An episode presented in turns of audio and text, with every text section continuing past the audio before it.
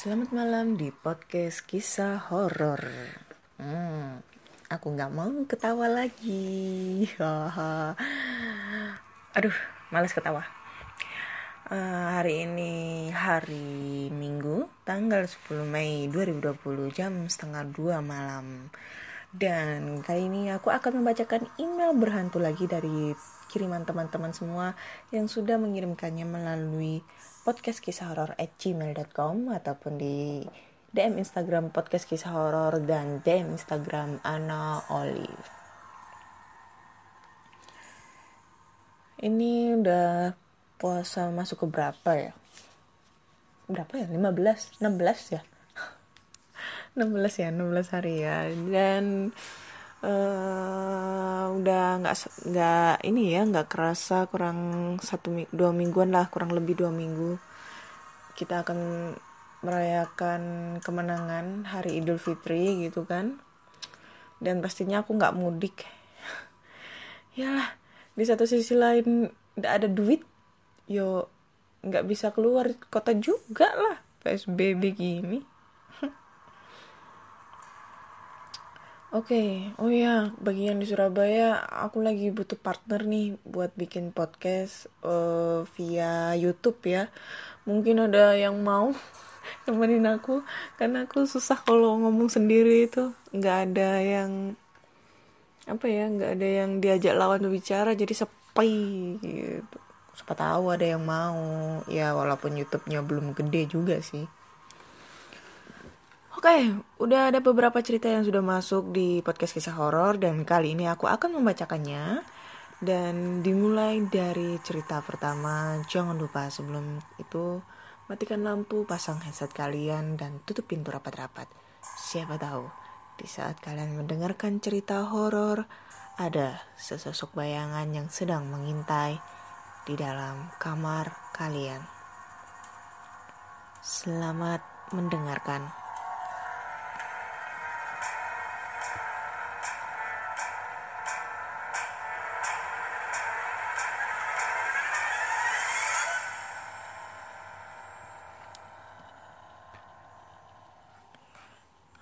Oke, cerita pertama.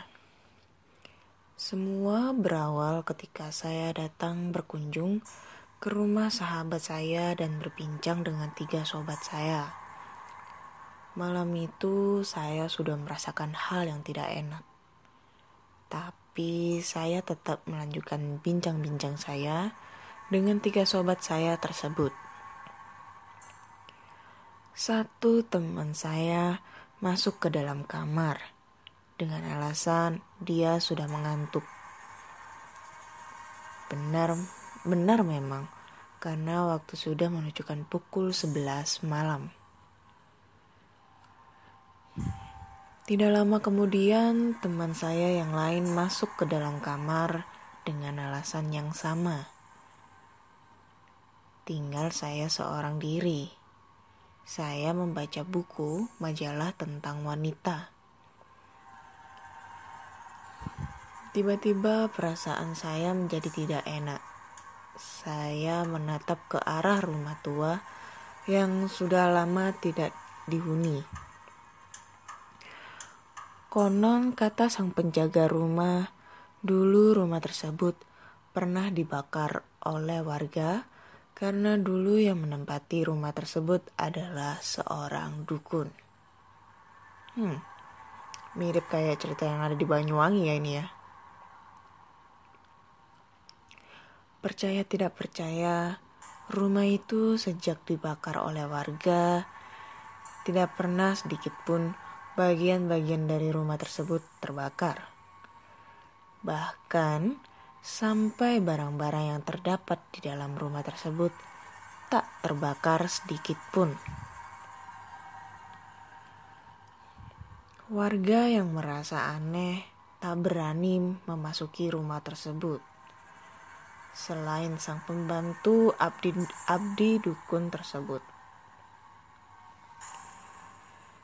Sebut saja namanya Pak Joko.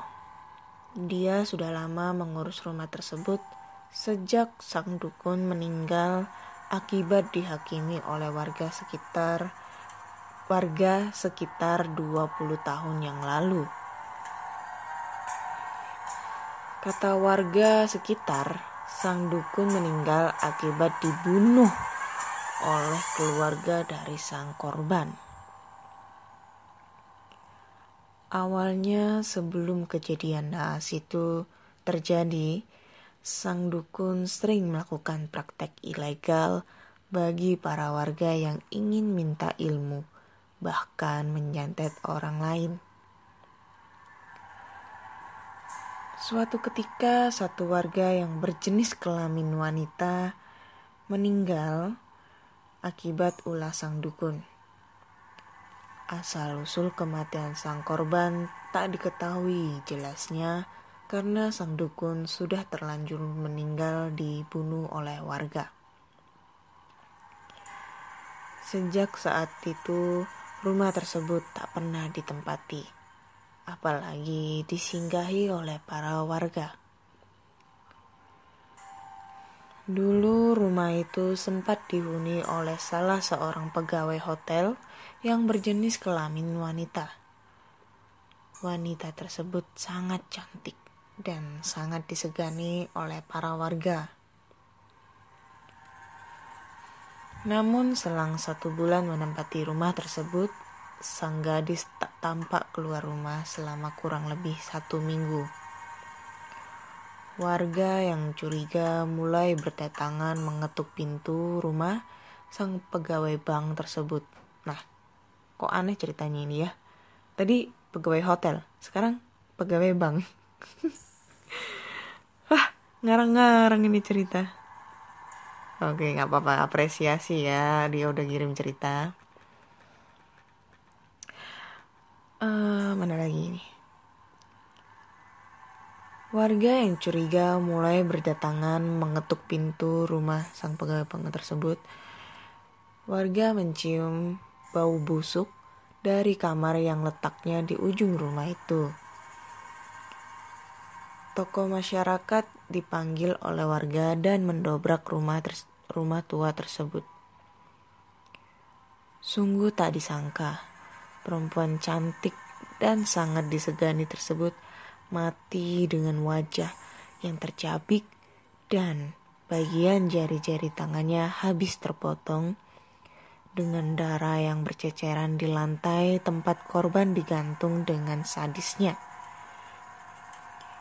Pihak kepolisian datang dan mengotopsi jasad gadis tersebut. Namun pihak kepolisian tak tahu sebab kematian dari sang gadis karena tidak ditemukannya sidik jari dari tersangka. Mendengar cerita tersebut, rumah tua arwah dukun itu tak ditempati lagi. Suara-suara wanita menangis dan jeritan arwah sang gadis pun sering ter terdengar sampai saat ini. Hmm. Ini cukup serem juga ya ceritanya dan basic of true story-nya ini pernah dialami di kalau nggak salah di Banyuwangi ya. Di Banyuwangi itu dulu sempat ada yang uh, dukun, seorang dukun yang dihakimi masa ya udah berpuluh-puluh tahun ya sekitar kurang lebih sekitar tahun 80 atau 90-an dan itu sempat viral banget di berita di koran maupun di televisi. Kayaknya di YouTube juga ada. Mungkin kalian bisa search aja di YouTube ya. Dan itu sangat horor sekali karena sampai sekarang masih menghantui arwah dukun tersebut di kampung terse di kampung tersebut gitu Oke, terima kasih untuk cerita pertamanya dari no name, nggak tahu nah, dari siapa ini yang ceritanya rada ngawur dari pegawai hotel jadinya pegawai bank. Menurut, menurut kalian nih ceritanya creepy nggak? Kalau ini, ini sih menurutku lumayan ya, karena cerita aslinya ada terjadi di daerah Banyuwangi. Kalian bisa langsung cari aja di Google juga ada. Oke, kita masuk lagi ke cerita kedua. Ini nggak ada namanya lagi waktu itu aku baru pulang malam dari sekolah karena harus mengurus kegiatan sekolah. Kebetulan saat itu keluargaku memang gak ada di rumah karena orang tuaku sedang pergi dan kakakku belum pulang kerja. Kira-kira kejadian hari itu sekitar pukul 20.30 waktu Indonesia Barat. Di sekitar rumahku memang jarang ada lampu jalan dan biasanya penerangan jalan terbantu dari lampu-lampu yang ada di teras tiap rumah. Sialnya lagi di depan rumahku itu ada pohon besar yang besar banget saat itu aku merasa emang seperti ada orang yang memperhatikanku dari seberang rumahku. Tapi karena aku sudah capek banget, aku pun menghiraukan perasaanku itu. Aku pun memutuskan untuk masuk rumah dengan kunci cadangan yang ibuku berikan. Karena kuncinya agak banyak, karena juga digabung dengan kunci kamarku, aku membutuhkan waktu yang agak lama untuk membuka pintu depan. Dari situ perasaanku semakin gak enak. Aku benar-benar merasa ada seseorang di belakangku. Gak mau merasa terganggu, Aku pun memutuskan buat melihat ke arah belakangku. Tapi aku gak menemukan siapa-siapa. Setelah beberapa menit berkutat dengan pintu depan, aku pun akhirnya berhasil membukanya. Kebiasaan di rumahku, kami selalu mengucapkan salam setiap mau masuk dan keluar rumah. Even, even gak ada orang di dalam rumah. Begitu masuk ke rumah, sambil menghadap ke pintu, aku menutupnya sambil mengucapkan Assalamualaikum. Ketika aku berbalik, aku menemukan sosok penampakan dengan muka rusak yang sangat serem yang berdiri tepat di hadapanku. Parahnya, sosok tersebut semakin mendekatkan wajahnya ke wajahku sambil mengucapkan Waalaikumsalam, Waalaikumsalam. Setelah kejadian itu, aku udah gak ingat apa-apa lagi. Keesokan harinya, keluargaku cerita kalau mereka menemukanku tergeletak di tempat di mana aku melihat sosok misterius itu. Sejak kejadian itu, aku udah gak pernah mau pulang ke rumah kalau tidak ada keluargaku di dalamnya. Hmm, ini cerita juga lumayan bete banget ya.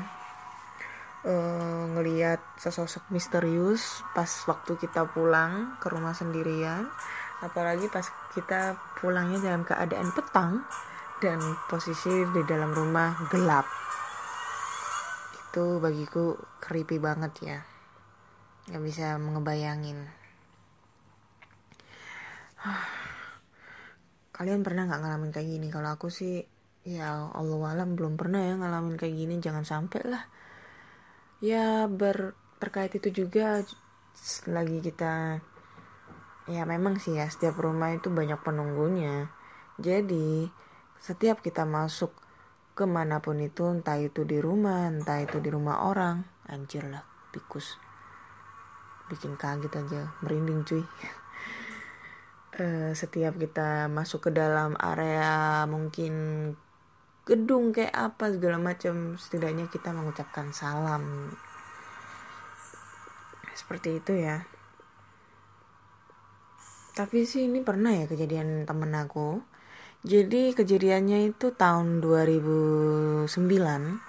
Kebetulan aku masih sekolah, masih kelas 3 SMA dan waktu itu alhamdulillah kejadiannya waktu orang tuaku berangkat naik haji ya ke Mekah. Jadi aku tinggal di rumah sendirian nah karena waktu itu kamarku masih di bawah nggak di atas jadi karena memang agak males ya tidur di rumah. Akhirnya aku tuh minta tolong temanku untuk uh, nemenin aku tidur di rumah. Sebenarnya sih nggak takut ya. Udah biasa sih ya ditinggalin kayak gitu. Tapi ya sepi gitu kan. Nggak ada teman ngobrol. Maksudnya tuh nggak ada kehidupan gitu cuma sendirian. Akhirnya aku ngajak temen sekolahku buat nginep di rumah. Dan posisinya dulu di atas ini yang sebelumnya menjadi kamarku itu adalah tempat jemuran gitu kan. Masih masih apa ya masih terbuka gitu belum jadi gitu kan. Belum ada tembok-temboknya belum ya udah ada atapnya tapi belum disekat tembok. Nah kejadian itu pas temanku waktu itu kita tidur di depan di ruang tamu. Jadi rumahku ini nggak ada ruang tamu ya jadi ruang tamu itu juga ruang tidur mamaku dulu sekarang uh, jadi kita ngobrol-ngobrol di sana tidur tidur di sana sambil nonton TV kebetulan kita nonton DVD ya.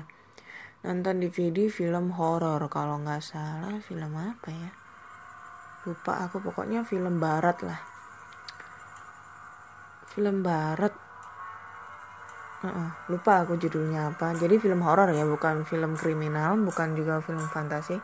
Nah waktu itu kalau nggak salah jam 9 kurang lebih jam seteng jam 9 jam 10 nah aku lagi bik apa bukan bikin lagi beli bakso. Karena ada bakso tukang bakso lewat di depan rumah. Jadinya aku beli bakso di depan sambil ngebeli mak makan temanku. Dan temanku ini lagi nonton di dalam rumah. Nah posisinya tangga untuk naik ke atas itu kelihatan dari ruang tamu itu. Pada saat itu temanku sedang asik nonton dan nggak sengaja dia ngedenger kayak suara suara yang ya kayak tikus gitu kan tikus tikus atau kucing gitu kan di atas bunyi-bunyi gitu kan. Ya dia sih bodo amat kan karena memang udah biasa gitu rumahku kan banyak tikusnya. Jadi tuh itu dia ngiroin. Terus beberapa saat kemudian jelang jarak 1-2 menit dia tuh ngerasa kayak ada yang memperhatikan dia gitu kan. Kayak ada yang ngawasin dia. Nah ini dia mulai perasaannya udah gak enak dong. Udah gak enak. Dan dia tuh udah udah manggil manggil aku gitu dari dalam. Nah nah udah selesai belum? Masih lama nggak? Gitu lapar. Alasannya gitu ya bentar nih masih dibikinin ngantri karena memang tetanggaku ada yang beli kan. Nah pas udah selesai uh, aku belum selesai ya. Pas dia udah ngomong kayak gitu dia rasanya udah makin parno. Udah deg-degan dan pada saat itu dia nggak sengaja noleh ke arah tangga yang jarak dari tempatnya dia dan tangga itu sekitar dua setengah meteran lah. Dan pada saat itu dia melihat jadi ini tanggaku kecil ya tanggaku bentuknya tangga ini dia kecil terus di atasnya itu ada sekat temboknya. Jadi dia melihat sesosok perempuan sedang kayak posisinya nungging ngintip gitu loh kayak ngintip dan rambutnya itu terjuntai ke bawah dengan mukanya yang pucat dan di ada lingkaran mata hitam. Matanya nggak tahu ya aku nggak nggak tahu. Dia bilang sih cuma ngelihat sekilas terus dia nggak berani dia lari ke depan teriak-teriak. Dan itu membuat dia tidak berani untuk menginap di rumahku lagi. Tetapi selama aku meninggal di tempat ini, rumah ini udah sekitar puluhan tahun ya, ada 15 tahunan juga, aku belum pernah mendapatkan sesuatu sesosok uh, penampakan seperti ini. Ya dulu memang di sebelah rumahku ini uh, horor ya. Karena sebelah rumahku ini kos-kosan yang tingkat ada tingkat tiga dan di ting waktu itu tingkat 2 dan tingkat 3 ini belum ditempatin. Jadinya agak creepy ada agak horor. Terus sering lalu lalang di di area rumahku ini karena memang kebetulan rumahku di atas juga tadinya belum belum ditempatin masih amburadul banget kayak gitu. Jadinya ya wajar aja ada uh, miskun ataupun atau apalah yang singgah sebentar di rumahku ini. Oke itu cerita dari aku dan sudah dua cerita yang udah aku bacakan mungkin udah cukup ya. Nanti kalau aku bacakan banyak-banyak uh, cerita hororku udah berkurang dong. Ini aja belum ada yang ngirim cerita. Oke cukup sekian dulu cerita uh, email berhantu kali ini dan jangan lupa jika kalian mempunyai cerita-cerita horor pengalaman dari pribadi ataupun per, dari saudara, kakak, adik, orang tua, teman, kalian bisa langsung mengirimkannya melalui podcast kisah horror at gmail.com ataupun di email, eh email, ataupun di DM Instagram podcast kisah horror dan DM Instagram Anna Olive. Nanti cerita kalian akan aku bacakan di melalui plot, platform Spotify ataupun di YouTube. Dan jika kalian penasaran dengan channel YouTubeku tentang cerita-cerita podcast cerita-cerita horor di YouTube karena memang ceritanya beda dari di podcast ini di Spotify ini. Kalian bisa langsung aja mampir di channel YouTube aku namanya Anna Olive. A N N A O L I V E. Jangan lupa subscribe subscribe eh, subscribe subscribe, like, comment dan share. Dan jangan lupa nyalakan tanda lonceng notifikasi agar kalian selalu update tentang cerita-cerita horor ataupun tentang video explore berikutnya. Cukup sekian dan selamat menunaikan ibadah puasa dan selamat malam.